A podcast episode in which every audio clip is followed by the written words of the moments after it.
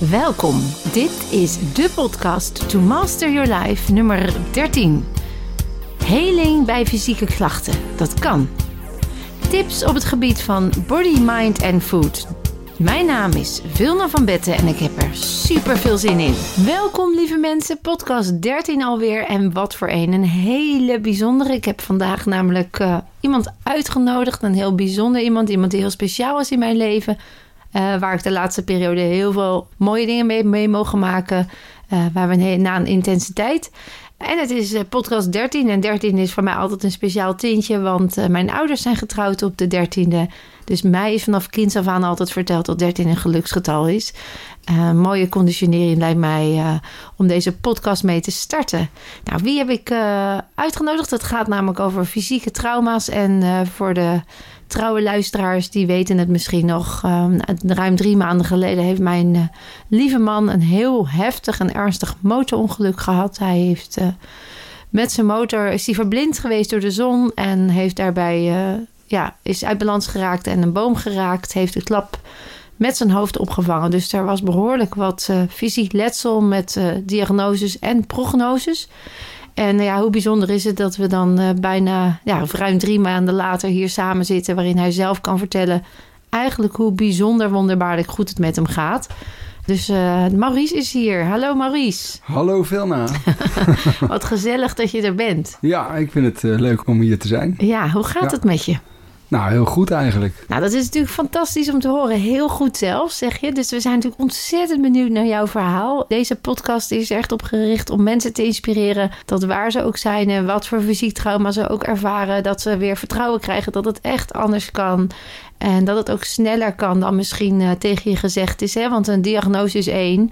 Een prognose is vaak ook een zaadje wat er bij je geplant wordt. Waar mensen ja, eigenlijk... Um, ook van uitgaan dat het waar is. Maar zodra iets waar is in je hoofd, gaat je brein dat ook uitvoeren en de, de stoffen aanmaken die daarbij horen. Terwijl dat soms niet juist helend werkt. Hè? De, de placebo, het effect van de kracht van taal en de geloofsovertuiging van een arts, die zijn zo heftig en zo waar voor iemand dat ze vaak ook gaan leven naar die waarheid die ze dan op dat moment verteld wordt.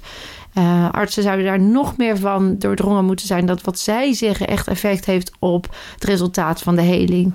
Dus de diagnose, oké, okay, fijn, weet je, maar de prognose, daar zouden we toch echt eens even naar moeten kijken. Ja. En jij bent daar natuurlijk een levend voorbeeld van, want je zegt het gaat heel goed. Uh, kun jij me iets meer vertellen hoe goed het met je gaat en uh, waar je vandaan kwam? Ja, misschien inderdaad eerst zeggen waar ik vandaan kwam. Nou, ik heb natuurlijk dat motorongeluk gehad, zoals jij weet, en wellicht ook de meeste luisteraars inmiddels. En het motorongeluk, dat uh, was gelukkig een eenzijdig ongeluk. Dus er waren geen andere uh, mensen bij betrokken. Uh, ben verblind door de zon. op de een of andere onduidelijke manier, voor mij in ieder geval, ben ik in de berm terechtgekomen. En tot stilstand uiteindelijk tegen een boom. Ik heb daarbij mijn nek op twee plekken gebroken. drie borstwervels, vijf ribben. Een zenuwlesie in mijn linkerarm een behoorlijke hersenbeschadiging, uh, wel genoemd uh, DAI, zoals je weet. DAI dan in dit geval. Diffuse Axonal Injury. Um, de plexuslesie ook geloof ik al genoemd. Ja, en een ingeklapte ja. long. En een ingeklapte long. Dus ik, uh, ja, genoeg fysiek trauma om daar voorlopig eventjes niet meer wakker te worden in ieder geval. ja, want je was toen ik je aantrof in het ziekenhuis eigenlijk ja, je was er wel, maar je was er niet. Ja, ik was toen al eventjes behoorlijk de weg kwijt. Ja, ja wat, hè, wat in eerste instantie waarvan ze niet wisten dat je de hersenschade had. Ja, bleef je heel erg slaperig. Je werd eigenlijk ja. niet wakker. Welke pijnprikkels ze je ook gaven. Ja. Dat deden ze dan door te knijpen bij je wenkbrauw of uh, bij je nagelriem. nagelriem. Ja. Uh, ja, je reageerde wel reflexmatig, maar verder eigenlijk niet. En je viel daarna ook weer heel ver weg. Ja. En dat was ook waarvan de artsen zeiden van... hé, hey, dit, uh, dit hoort eigenlijk niet. Dus we gaan eens wat verder kijken. En ja, toen hebben ze een, een MRI gemaakt. En op, daar, op basis van die MRI zagen ze eigenlijk dat diffuse axonal injury... Hè, dat betekent dat heel veel receptoren waar de communicatie ontstaat in je brein of waar patronen worden gelegd. Dat zijn vaak receptoren die elkaar vinden. Ja, die hersenuiteinden die, die, die waren dus door de intense klap losgeschud. En dan zie je dus op die receptoren dat ze A ontkoppeld zijn en B. ja dat er puntbloedetjes ontstaan. En uh, daar is jij nogal wat van in je brein. Ja. Uh, en dan wordt natuurlijk op dat moment wordt het even spannend, want De artsen zeiden op dat moment tegen mij eh, en de kinderen van... joh, we kunnen nu we kunnen wel de diagnose doen dat hij die heeft... Ja. maar we kunnen niet garanderen dat hij of wakker wordt nog ooit... en dat ze functioneren niet dusdanig beperkt is... Hè, gezien de hoeveelheid puntbloedingjes... Ja. Ja, durven we hier eigenlijk geen uitspraak over te doen. Ja, precies. En dat is dan een van de aandoeningen die ik op dat moment had. Dat is een beetje waar ik dan vandaan kwam. En eh, de prognose, want daar hadden we het net even, daar had jij het in ieder geval net even over aan het begin van de podcast. Eh, prognoses en diagnoses. Dat de prognose in mijn geval dus eh, niet heel gunstig was. Namelijk een bepaalde tijd eh, ziekenhuis van zeg maar zo'n maand of drie. Eh, en daarna nog een onbepaalde tijd revalidatie. Maar Ja. alles intern in ieder geval. Weet je, dus je had sowieso een half jaar... hadden ze wel bedacht dat het minimaal wel zou duren... voordat je op de been zou zijn. Ja, ja, absoluut. Ja, en op de benen, dat zeggen we dan. Maar ook daar werd hè, geen uitspraak over gedaan. Hè. Dat was sowieso al de prognose van de revalidatie. En dan moesten we nog maar hopen dat je überhaupt nog weer de oude zou worden. Hè? Of in ieder geval weer zou functioneren op een niveau dat je goed mee kon draaien. Nou, moeten mensen thuis weten dat jij zelfstandig ondernemer bent. Je bent eh, fysiotherapeut en daarnaast eh, ja, help je mij ook met al mijn seminars. En eh, hebben we samen een healthcare center. Jij bent steeds meer ook vanuit de fysiotherapie holistisch aan het werk. Omdat je ziet hoe fantastisch werk ja, inmiddels ook verricht kan worden vanuit de energetische en de neurowetenschappen. Hè? Dus ik zie ook dat jij daarin steeds meer een shift maakt naar verder kijken dan het lichaam als een mechanisch geheel. Ehm, hoe is het uiteindelijk verlopen, Maurice? Want ehm, zes maanden was dus de tijd die gegeven was. Hoe is het gegaan?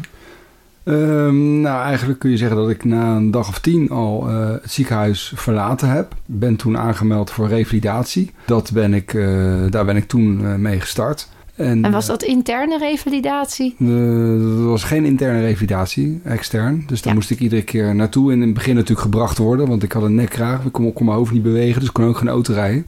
Dus ik moest de hele omgeving mobiliseren om mij eh, regelmatig eh, naar het revalidatiecentrum te brengen. Wacht even, Maurice. Wat je nu zegt is natuurlijk amazing. Ondanks alle heftigheid was je herstel dusdanig dat je na tien dagen het ziekenhuis uit kon. En een niet-interne revalidatie, dat betekende dat je af en toe naar iemand toe moest om te revalideren. Dat was of een neuropsycholoog of een maatschappelijk werker of een fysiotherapeut, maar veel, helemaal niet intern. Dus je kon gewoon al met af en toe naar iemand toe gaan, kon je al herstellen. En dat was na tien dagen. Dus je was zo goed Ja. dat ze eigenlijk zeiden: ja, maar jij hebt geen interne revalidatie nodig. Dat is natuurlijk amazing. En we willen natuurlijk weten hoe is dat dan gelukt? Want ja, als je dit hoort, dan klinkt het bijna ongeloofwaardig. En dat is het dus niet. Het is bijna alsof ik tegen je zeg. Hè, toen ze voor het eerst zei dat je op de maan kon landen, zei ze ook: ja, maar jij bent gek. En het is gelukt. En dat is ook eigenlijk nu. Ik neem je mee in een wereld vol mogelijkheden. waarin je ineens kan ontdekken dat het echt anders kan. Dus stel je open, heb vertrouwen en luister naar het verhaal van Maurice, want het is zo inspirerend. Dus Maurice, vertel, hoe heb jij dat dan? Hoe is dat herstel in jouw beleving gegaan? Wat weet je daar nog van en wat is voor jou de sleutel geweest, waardoor het zo snel ging?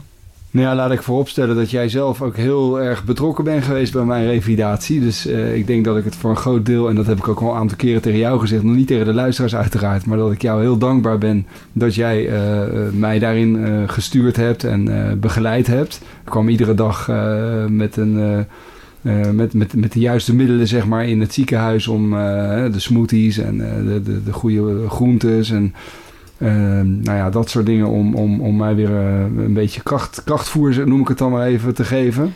Daarnaast zit er natuurlijk wel een persoon in mijzelf ook die niet zomaar accepteert wat er gezegd wordt. En wat je al zei, ja, ik ben een ondernemer, ik heb een bedrijf, ik heb een gezin. Dus er spelen een heleboel dingen een rol. Dus op het moment dat je eh, ja, een beetje kan eh, bewegen en je kan weer een beetje normaal eh, tussen aanhalingstekens eh, denken, dan ja, gaan dat soort dingen natuurlijk ook weer een rol spelen. Dus dan wil je dat ook zo snel, snel mogelijk aanpakken. Dus je zegt eigenlijk dat je een hele krachtige mindset had om Ja. ook te helen. Nou ja, daar komt nou, het eigenlijk neer. Ja. Er was te veel in je leven wat jou waardevol, Ja. wat waardevol voor jou was, om ook gewoon te gaan voor dat genezingsproces. Ja, en de prognoses en de, ja, de diagnoses dan niet, maar de prognoses die er dan gesteld werden, die werden eigenlijk steeds weer opnieuw al vanaf het eerste begin moest het alweer bijgesteld worden. Dus dat, ja, dat maakte het voor mij natuurlijk ook uh, duidelijk dat dat allemaal niet echt vaststond. Ja.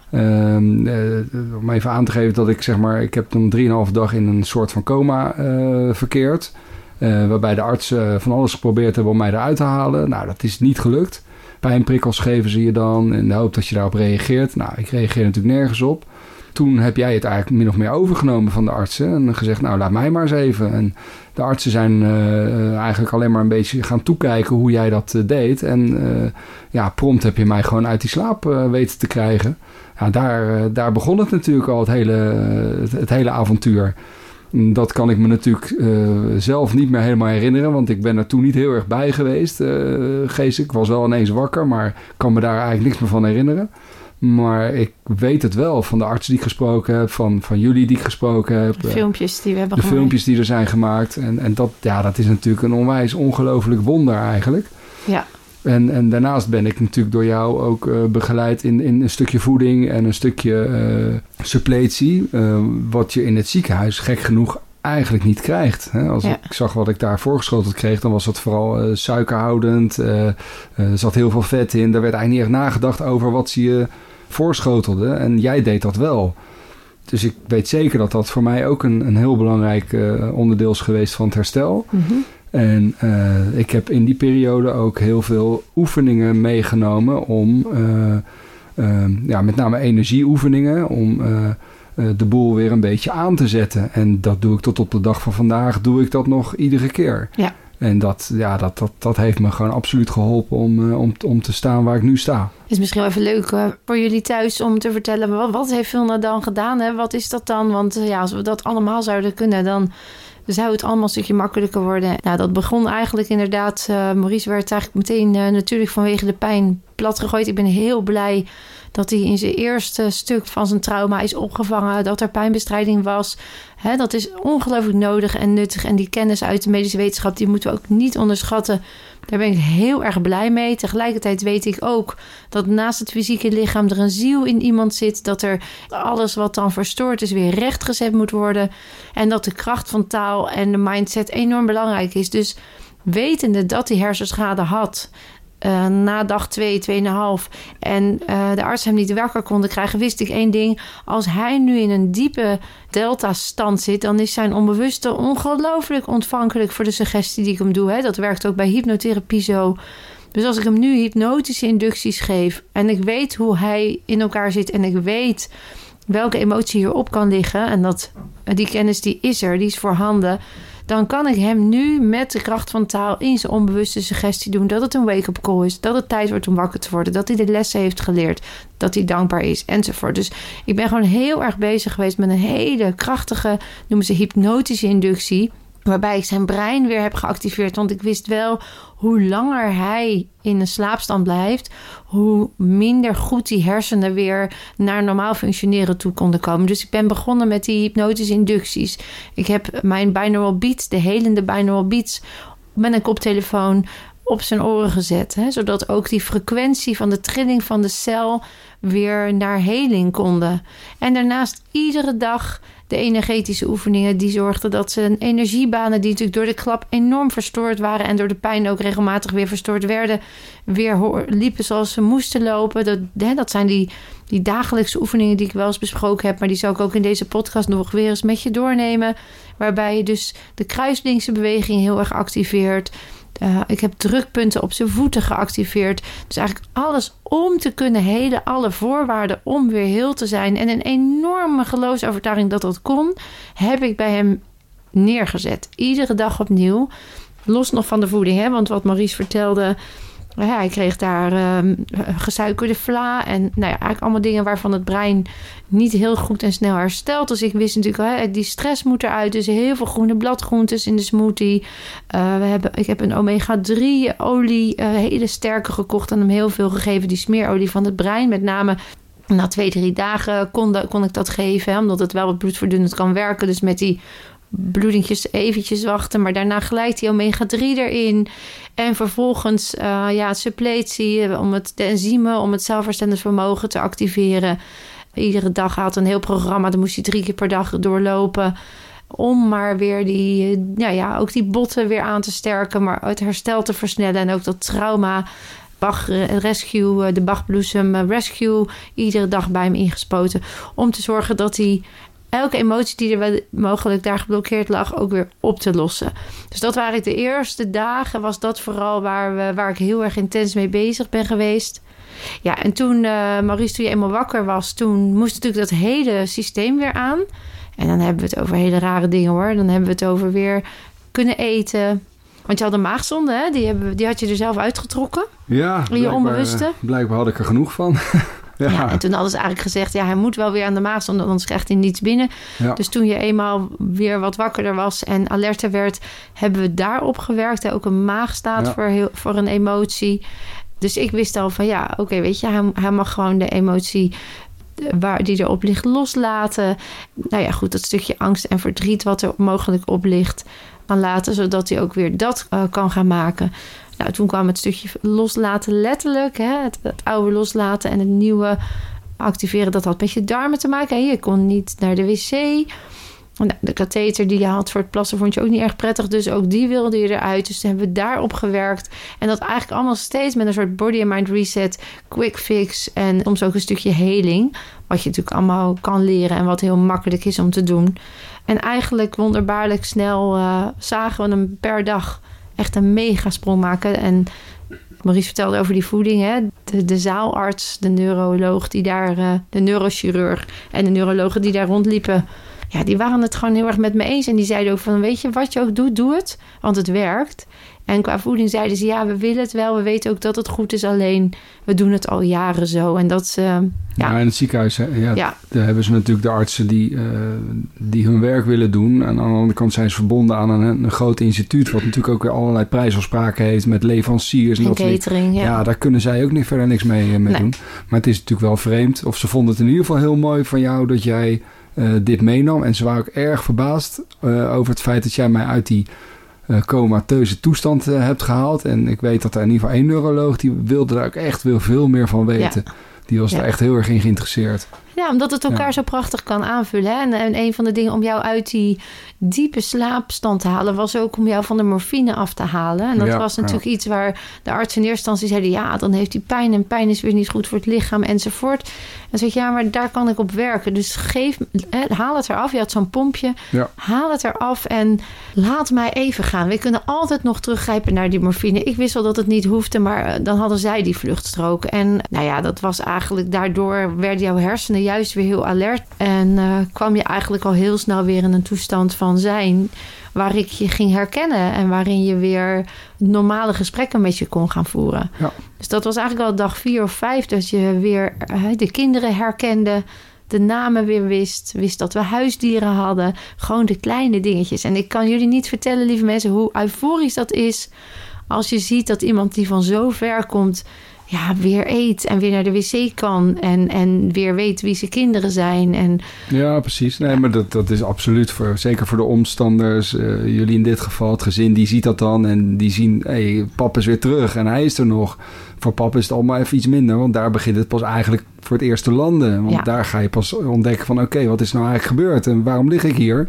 En dan, uh, dan krijg je dat natuurlijk even te verwerken. Dat, dat is wel even een ander verhaal. Maar goed, ook daar zijn we gewoon goed doorheen gekomen. En ja nou, na die vijf dagen ben je er nog lang niet. En uh, ik ben nog steeds uh, met een aantal dingen best hard aan het werken om dat gewoon uh, goed op peil te krijgen. Maar dat, ja, ik heb daar nu zoveel vertrouwen in. En, dat heeft het laatste stukje ja, restschade. Hè? We hebben stapje ben, voor stapje, deel voor deel aangepakt. Ja, het is echt ongelooflijk. Ja. ja. En, en heel veel gingen al tegelijk. En nu zit er nog een klein beetje restschade bij je zenuwschade, bij je schouder. Dus ja, we zijn toevallig net terug van een BMR Live Master Week. En je zegt eigenlijk grappig ik was daar uh, wel al aan het werk, maar ik heb stiekem sommige dingen ook meegedaan. En ik voel nu alweer een mega verschil. Hè? Dat ja, gaf je net even aan voor het interview. Ja, echt dus, enorm. Dus, dus daar kunnen we nog het laatste stukje ook op pakken. Uh, want ik zeg dat eigenlijk al zo even tussen neus en lippen door. Maar je bent dus weer aan het werk. Ja. Vertel, wanneer was dat? Wanneer is dat weer begonnen? Nou, ik ben eigenlijk al vrij snel weer aan het werk gegaan. Uh, ik denk dat ik eigenlijk net het ziekenhuis verlaten had. Dat was dan uh, zo half uh, november. Ik denk na een week of drie, denk ik, dat ik voor het dat eerst... je eerste stapjes in ja, de zaak heb gezet. mijn gezicht hier weer laten zien. En, en het, het, het bracht mij gewoon ook heel veel energie om de mensen weer te zien, om de mensen weer te spreken en uh, om, om hier weer een beetje uh, weer ja, terug te komen in het, in het, in, in het, uh, in je leven. In het leven wat ik, wat ik gewend was. En daar voelde ik me thuis en dat vond ik prettig en daar, dat wilde ik ook heel graag. Dus ik ben eigenlijk al vrij snel wel weer hier begonnen. En uh, steeds een beetje meer eigenlijk. Steeds een beetje meer gaan oppakken. Steeds een beetje meer gaan doen.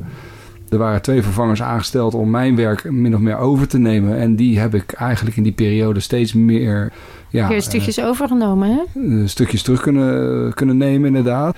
Ja, dat, uh, dat, dat voelde heel goed. Ja. De revalidatiearts die dacht daar overigens heel anders over. Maar dat ja. was een heel ander verhaal. Nou ja, want dat is ook wel mooi. Hè? Wat je zei net van een prognose, dat wordt vaak... ik weet niet of je dat gezegd hebt, maar ik heb het je horen zeggen... of het nou voor of tijdens de podcast was... maar een prognose wordt vaak gebaseerd op de ervaringen die ze hebben... en de kennis natuurlijk die er op dat gebied ligt. Ja. En er zijn natuurlijk ook uitzonderingen op de regel. En wat is dan waar? Hè? En uh, jij bent echt een uitzondering op de regel. Dus er was heel veel bezorgdheid. En dat is goed bedoeld vanuit de revalidatie. Van oh jee, maar ga je niet te snel? En, en kun je het wel aan? En maak je niet veel te veel fouten? En hè, waarop wij ook zeiden, ja, laat hem dan testen. Want dan, dan, kun je ook zien dat het echt eigenlijk al wel heel erg goed gaat. Ja, dat, dat, was ook de hersenschade.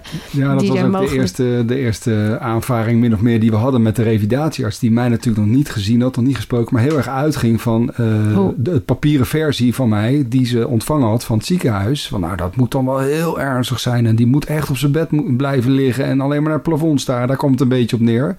Want uh, dat, was, uh, dat was het enige wat ze voor mij op dat moment in petto had. Maar ja, meneer stond al op de werkvloer. Die was al met, met klanten bezig en met patiënten bezig. Ja. En uh, dat heeft wel even tot een kleine aanvaring geleid. Maar later is dat wel goed gekomen. Toen ze me ook daadwerkelijk live gesproken heeft. En toen zei ze ook van ja, nu jou zo ziende en je verhaal nu wat beter gehoord te hebben en begrepen te hebben. ja, vind ik dit dit vind ik wel heel bijzonder. En uh, de laatste keer dat ik een gesprek met haar had, dat was uh, een week of twee, was een week voor de BMR-week. BMR, uh, Live Master Week. Live Master ja. Week. Dat was eigenlijk mijn afsluitingsgesprek voor de revalidatie. Want zij vond het eigenlijk ja, onvoorstelbaar. Ze zei ook, we staan met, ons, met alle artsen staan we eigenlijk te kijken hoe bijzonder het is, hoe snel jij hier doorheen komt. Maar eigenlijk kunnen we constateren dat je ja, min of meer klaar bent ook met de revalidatie. En, uh, maar ik zou het heel fijn vinden om je toch gewoon uh, vanuit mijn eigen rol een beetje te, te, volgen. Uh, dus ik wil graag je over drie maanden zien, over zes maanden zien en over een jaar voor het laatst. En dan wil ik je gewoon een beetje volgen en een soort case manager voor je worden. Ik onderhoud contact met de neurologen, neurochirurg en de psycholoog en dat soort dingen. Uh, dus ja, dan, dan wordt ja, een beetje jouw case manager. En ook om van te leren, hè? Van heel wat, van te leren, wat ja, kunnen we hiermee? Want dat is natuurlijk geweldig. Het tweede gesprek wat ik met haar had was, was eigenlijk heel goed. En daarin gaf ze ook wel een beetje haar eigen, uh, ja... Uh, hoe noem je dat? Ja, de, de tunnelvisie die ze had gehad, wat natuurlijk logisch is, hè? want ja. het is niet hier om de medici af te vallen, helemaal niet. Ik ben heel erg voor het samen, maar vooral openstellen voor elkaar, hè? want er is zoveel moois en er is zoveel kennis. En als je dat deelt, dan kan dat voor zo'n patiënt, in dit geval Maries, zoveel meerwaarde hebben. Ja. En nou was ik natuurlijk gezegend met de kennis die ik had, waardoor ik ook durfde te zeggen tegen de arts: laat de morfine maar zitten of laat mij maar. En de artsen lieten me ook daarin gaan. Dus dat was een hele mooie samenwerking. Maar het zijn ook geen, geen technieken die ver van in ons bedshow zijn. Het is echt iets wat je snel en makkelijk kunt leren, waar je zoveel baat bij kan hebben. En dat begint natuurlijk met het geloven dat het kan. En om daar even op in te haken, wat ik ook vertel in mijn eendaagse seminar, maar ook in de week. Dus er is gewoon al zoveel evidence-based proof dat wij een zelfherstellend vermogen hebben. En weet je, er, er liggen een heleboel onderzoeken die om wat voor reden dan ook toch een beetje in de onderste la worden gestopt. Waarvan ik denk, oh mensen, het is te mooi. Ik heb natuurlijk mezelf ooit mogen helen. Ik heb het nu bij Maurice meegemaakt. Ik merk het natuurlijk bij alle mensen die bij me komen. Het is zo'n cadeau. En deze kennis is eeuwen oud. Het is ook helemaal niets nieuws. En um, er zijn gewoon echt een paar, een paar dingen die je moet weten als het gaat over het zelfherstellend vermogen. Het is bijvoorbeeld een onderzoek dat heet de Spontaneous Remission Project. En vanaf de jaren 50 hebben ze 3500 man gevolgd die bijna doodgingen. Dus echt heel ernstig ziek waren. Het fase 4 eh, kanker. Uh, nou ja, noem het maar op. Fibromyalgie. Je kan zo gek niet bedenken of het was dusdanig ernstig. En ze hadden allemaal de prognose dat het lifelong was. Dat het eigenlijk uh, ja, niet meer beter zou worden. Of dat ze misschien wel dood zouden gaan. En een heel mooi voorbeeld wat ik ook aanhaal in mijn seminars is Mr. Wright. En Mr. Wright heeft overal in zijn lymfe grote sinaasappels aan bulten van de kanker en is opgegeven. En die leest toevallig een artikel waarin hij ziet dat er een specifiek medicijn, het nieuwste medicijn is tegen kanker. Ik geloof dat het 1957 is uit mijn hoofd, maar in die tijd. En hij smeet de arts waar hij op dat moment in het ziekenhuis ligt: mag ik alsjeblieft dat uh, medicijn, want dan word ik nog beter. Waarop die arts in eerste instantie zegt: nee, dat zou ik je wel willen geven, maar dan moet je minimaal nog drie maanden te leven hebben. Dat zijn de voorwaarden, dus ik kan het je niet geven. En dan besluit dus toch die arts, omdat deze man zo smeekt om dat medicijn, dan besluit die arts dus om uh, toch hem dat te geven. En hij verwacht eigenlijk als hij dat weekend naar huis gaat, dat hij maandag hem uh, ja, dood zou aantreffen. Maar het tegendeel bewijst zich. Hij loopt vervolgens maandag, als de arts binnenkomt, weer uh, ja, met zijn infuus over de gang. En zijn tumoren zijn dan al voor de helft geslonken en hij herstelt. Dit soort verhalen zouden wij als wonder kunnen beschouwen vanuit de conditionering waar wij zijn opgevoed en hoe we zijn grootgebracht. Maar dit zijn geen wonderen. Dit is dus waar we allemaal gebruik van kunnen maken. En Maurice is daar natuurlijk een prachtig voorbeeld van, maar er zijn zoveel voorbeelden te noemen. Dr. Joe Dispenza, uh, Bruce Lipton, die zich helemaal bezighouden met de kwantumfysica, de epigenetica, die hebben ook al lang aangetoond dat dat kan. Nou, en, en er zijn eigenlijk vier dingen die essentieel zijn bij zelfheling. En dat begint dat je eerst gelooft voordat je het resultaat ziet. En wij zijn opgevoed met het idee eerst zien dan geloven. Nou, begin met geloven dat het kan. Jouw mindset, jouw kracht van de gedachte, die is echt enorm. Die is, die is zo bepalend. Dus zet hem ook in. Hè? Dus weet als jij denkt dat je beter kan worden en je doet alsof het al zo is, daar is je brein enorm gevoelig voor en die voert gewoon uit wat erin zit. En daar heb ik wel eens reacties op en weerstand. Mensen zeggen, ja, maar ik ben toch helemaal nog niet heel. Dan ga ik toch niet zeggen dat ik heel en gezond ben. Juist wel, want als jouw brein dat erin stopt, dan gaan ook de neurochemische processen uh, uitgevoerd worden die dat waar gaan maken. Dus je loopt eigenlijk voor de feiten uit. Nou, het tweede element is dat de mensen die wonderbaarlijk uh, genazen ook geloofden dat ze iets moesten wijzigen in hun manier van zijn of in de manier van leven. Dus die wisten ook wel dat wil ik deze ziekte doorbreken of wil ik hier iets aan veranderen, dan zou ik ook iets in mijn leefstijl moeten aanpassen. En dan hebben we het natuurlijk vooral over ziektes waar je al langere tijd mee loopt. Uh, dus dan deden mensen dat ook vaak in voeding, in de gedachten, in een stukje ontspanning. Uh, de derde belangrijke voorwaarde om te kunnen helen is dat ze iemand in de buurt hebben die een heler eigenlijk, die gelooft ook dat het kan, die dat vertrouwen ook uitstraalt, dus die ook die energie neerzet bij de ander en die ook de kennis heeft om dat te doen. Dat is een hele belangrijke eigenlijk. En de laatste voorwaarde is dat de mensen die uh, geloven ook een enorme zingeving ervaren van hun leven. Dus ook geloven in dat er een hoger doel is. Vaak ook in combinatie met een hogere macht die hun helpt om dat hogere doel uit te voeren. Hè? Dus um, dat ze dus juist door de ziekte zien van dit gebeurt mij niet voor niets. Er zal een reden voor zijn en door die reden kan ik mijn leven upgraden en kan ik nog betekenisvoller zijn voor mezelf en anderen. En ik word daarbij geholpen door iets wat groter is dan mezelf. Dat kan de kosmos zijn of een, uh, voor jou een God. Het maakt niet uit als het maar iets is waar jij van gelooft dat het je helpt. Nou, en, en die vier voorwaarden de kracht van de gedachte, de kracht van de visualisatie, uh, het veranderen van je leefstijl, je eigen invloed daarin. Uh, ja, echt geloven in degene die jou daarin ondersteunt. En iets wat groter is dan jezelf en zingeving. Ja, dat zijn vier hele belangrijke uh, voorwaarden die uit die onderzoeken komen. En uh, daar ben ik eigenlijk wel benieuwd naar, Maurice, bij jou ook. Want ja, door die klap staat je leven natuurlijk letterlijk op zijn kop. Bij jou zijn je nekwervels uh, gebroken, Klopt. je atlasdraaier en C2. Wat heeft het voor jou betekend, Maurice, dit ongeluk uiteindelijk, nu je erop terugkijkt?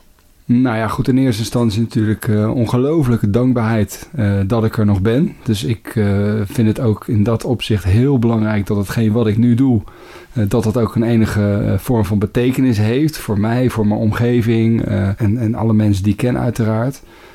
je gaat heel erg nadenken over wat je drijft, wat je drijfveer is, of je wel op de goede weg bezig bent. En laten we dat ongeluk dan alsjeblieft gebruiken om de dingen die misschien in het verleden niet heel lekker liepen, om daar nou eens naar te kijken. En, en, om er gewoon beter uit te komen. Dus dat we ook naar het ongeluk kunnen kijken. Zo van, nou, het is niet voor niks geweest. Dat, dat is echt mijn, mijn gevoel. En natuurlijk, de eerste maanden, ik ben nu vier maanden verder, maar de eerste maanden sta je ook best wel op met wat klachten, met pijn in je hoofd, pijn in je nek, pijn. En dan denk je er best wel even anders over. Maar daar weet, weet ik me dan echt wel overheen te zetten. En uiteindelijk is dit gewoon wat het zwaarste weegt voor mij.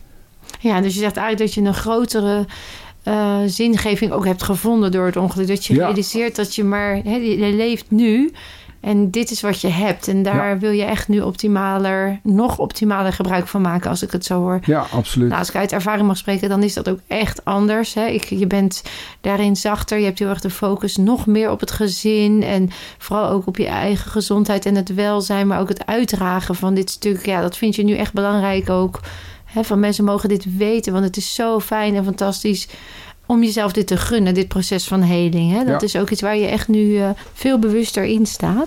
Ja, ja en nou, ik wil het ook uitdragen aan, aan, aan anderen, zeg maar. Hè? Dus ik werk hier in een praktijk, fysiopraktijk, waar we ook heel veel eh, patiënten uh, begeleiden. En die krijgen ook heel vaak te horen uh, van, nou, wend er maar aan. Oh, dit komt nooit meer goed. En allemaal dat soort zaadjes eigenlijk worden er geplant, waarvan ik ja, gisteren had ik bijvoorbeeld uh, weer een situatie waarin een dame met een verbrijzelde elleboog uh, de boel was aan, vastgezet met schroeven. En ik heb exact zo'nzelfde situatie twee jaar eerder meegemaakt. En die dame heb ik er toen helemaal doorheen geloodst. En zij is uiteindelijk op mijn advies is, naar de arts toe, teruggegaan om het osteosynthetisch materiaal, oftewel de schroef en het plaatmateriaal eruit te laten halen. Uh, maar de arts had van tevoren al gezegd van nou ja, dat, uh, uh, dat, dat doen we liever niet. En wen maar alvast aan die bewegingsbeperking, want goed gaat het nooit meer worden. Nou, wij zijn ermee aan de slag gegaan en, en na een maand of drie, vier kon ze de arm weer volledig strekken. toevallig kreeg ik een nieuwe patiënt binnen met bijna hetzelfde, met bijna hetzelfde issue. En ik ben nu mede gesteund door het verhaal wat ik zelf heb meegemaakt, ben ik ook heel erg met haar bezig om te kijken van kunnen we daar echt niet iets meer uithalen als dat die artsen nu beweren dat er in zit. En dit is nog maar een drup op de gloeiende plaat. Ik heb er zoveel waar, uh, patiënten waar zaadjes zijn geplant door artsen. Ja, ik uh, kan er een boek van, van vol schrijven, bij wijze van spreken. En terwijl we dus nu met deze methodiek ook echt andere resultaten zien. Hè? Dat is zo zeker. fantastisch. Ja. Uh, dus mensen heeft ook mijn ogen weer geopend hoor. Nog, nog verder geopend. Ja. Hè? Ja, en durf, durf het te geloven. Hè? Dus uh, mensen gooien het gauw over onder de, onder de noemer zweverig. Of, of de horen ze één verhaal in het alternatief circuit wat dan niet gewerkt heeft. Waardoor iemand dan toch helemaal zieker is geworden. Ja, zo kan ik ook wel heel veel verhalen uit het medische circuit uh, noemen. Dus blijf open-minded en gun jezelf ook hè, om, om te kijken welke opties voor jou in ieder geval fijn zijn. En blijf er ook vooral in vertrouwen. Dat, dat is, is het vooral, hè? Ja, dat vertrouwen en, en geloven. En dat is natuurlijk iets wat uh, nog wankelt als je uit een hele andere opvoeding komt. Ja. Dat zou kunnen wankelen. Uh, ik weet ook dat heel veel mensen hier zitten en die zeggen: Ja, dit wist ik eigenlijk al. En hoe werkt het dan? Vertel het maar alsjeblieft, want ik weet dat het zo werkt. Dus het is fantastisch om te delen. Misschien leuk om nu dan ook een brug te maken naar de tips die ik jullie al mee kan geven als je in de situatie zit waarin je voelt dat je dat zelfherstellend vermogen wilt activeren om jezelf te helen. Um, er zijn in ieder geval op mijn website zijn downloadable uh, binaural beats. En de binaural beats die zijn eigenlijk ja, ontworpen om jouw frequentie van de cellen in je lichaam op een trilling te krijgen die synchroon loopt met een heel lichaam. Dus een lichaam wat gezond is ja, luister deze zo vaak en waar je maar zoveel en zo vaak als je maar kan. Die zijn gewoon gratis te downloaden en ze zijn met stem en zonder stem. Dus je kunt ze als meditatie gebruiken. Waarbij je echt bewust luistert wat er gezegd wordt en je brein de instructies geeft om te helen. Je kunt ook zonder stem gebruiken en dan ga je gewoon lekker, terwijl je boodschap aan het doen bent of e-mails aan het schrijven bent, kun je gewoon die muziek inpluggen. En de beats doen hun werk. Dus dat is al fantastisch. Je hoeft er niets voor te doen. Het doet het voor jou. Nou, verder kan ik je natuurlijk eh, meegeven dat op voedingsgebied er een aantal basis zijn voeding altijd al beter is dan niet, zeg maar. En dat is gewoon 300 tot 500 gram groente per dag. Verwerk het in je omelet, in je smoothie, salade. Zorg dat je de hele dag door, en het liefst zo drie keer per dag met vier uur ertussen, die voldoende groente binnenkrijgt. Hoe meer groente, hoe meer die cellen heel worden en ook de vrije radicalen, dus de foute stoffen, kunnen ja, weg. Uh, ja, weghalen. Hè? Dus jouw cellen worden sterker en de ziektemakende cellen die worden dan verdreven. Dus heel belangrijk is daar om dus die, die, die lekkere groentes uh, te doen. En als je fruit eet, uh, hè, zorg dan dat er veel variatie in zit. De kleine donkere vruchtjes zijn vol met antioxidanten die weer goed zijn om die vrije radicalen te bestrijden. Uh, dus zorg ook dat je daar voldoende van binnenkrijgt. Elke uh, kleur heeft zijn eigen vitamines en zijn eigen antioxidanten. Dus wissel veel in kleur. Kleurrijk eten, dat is heel belangrijk. Gevarieerd eten ook. Zodat je zeker weet dat je van alles wat binnenkrijgt. Ik verwerk het ook in de smoothies. Hè. Dus zorg dat het voor jezelf makkelijk wordt om zoveel mogelijk groentes binnen te krijgen. En maak dat een gewoonte. Uh, verder is het zo dat uh, ja, er zijn specifieke eiwitten en enzymen die heel handig zijn om uh, te gebruiken bij een zelfherstellend vermogen. En een mooi product wat ik zelf veel heb ingezet en wat ik nu ook heb ingezet bij Maurice is Vitalziem. Vitalziem, daar zitten eigenlijk alle enzymen in die nodig zijn om dat zelfherstellend vermogen te activeren. Nou, drink heel veel water. Uh, met gember en citroen. Dat is ontstekingremmend, dat is reinigend. En natuurlijk het superkruid kurkuma, wat ook weer heel goed is voor je darmen. Dat zijn allemaal tips die ik je mee kan geven. Uh, kurkuma altijd wel combineren met zwarte peper, waardoor de bewerking wordt versterkt. Maar dat kun je gerust dagelijks in je eetpatroon toevoegen. En ik denk aan een mooie darmreiniging, zodat die darmwand, die vaak door medicatie ook weer uh, ja, toch is gaan lekken, ook weer mag herstellen. Dus um, een product wat ik daarvoor gebruik, omdat het een heerlijke detox is, zonder dat je dan heel erg leeg loopt, is uh, Colon Care. Colon Care en Vitalsim zijn toevallig allebei van Nutramin. Uh, nou, er zijn, dat zijn producten waar ik goede ervaringen mee heb. Dus dat kun je al echt gaan gebruiken om jezelf en dat lijf ook de goede cellen aan te laten maken. En zorgen dat die darmen ook weer de voedingsstoffen opnemen. Nou, daarnaast, uh, dat is echt het stukje voeding.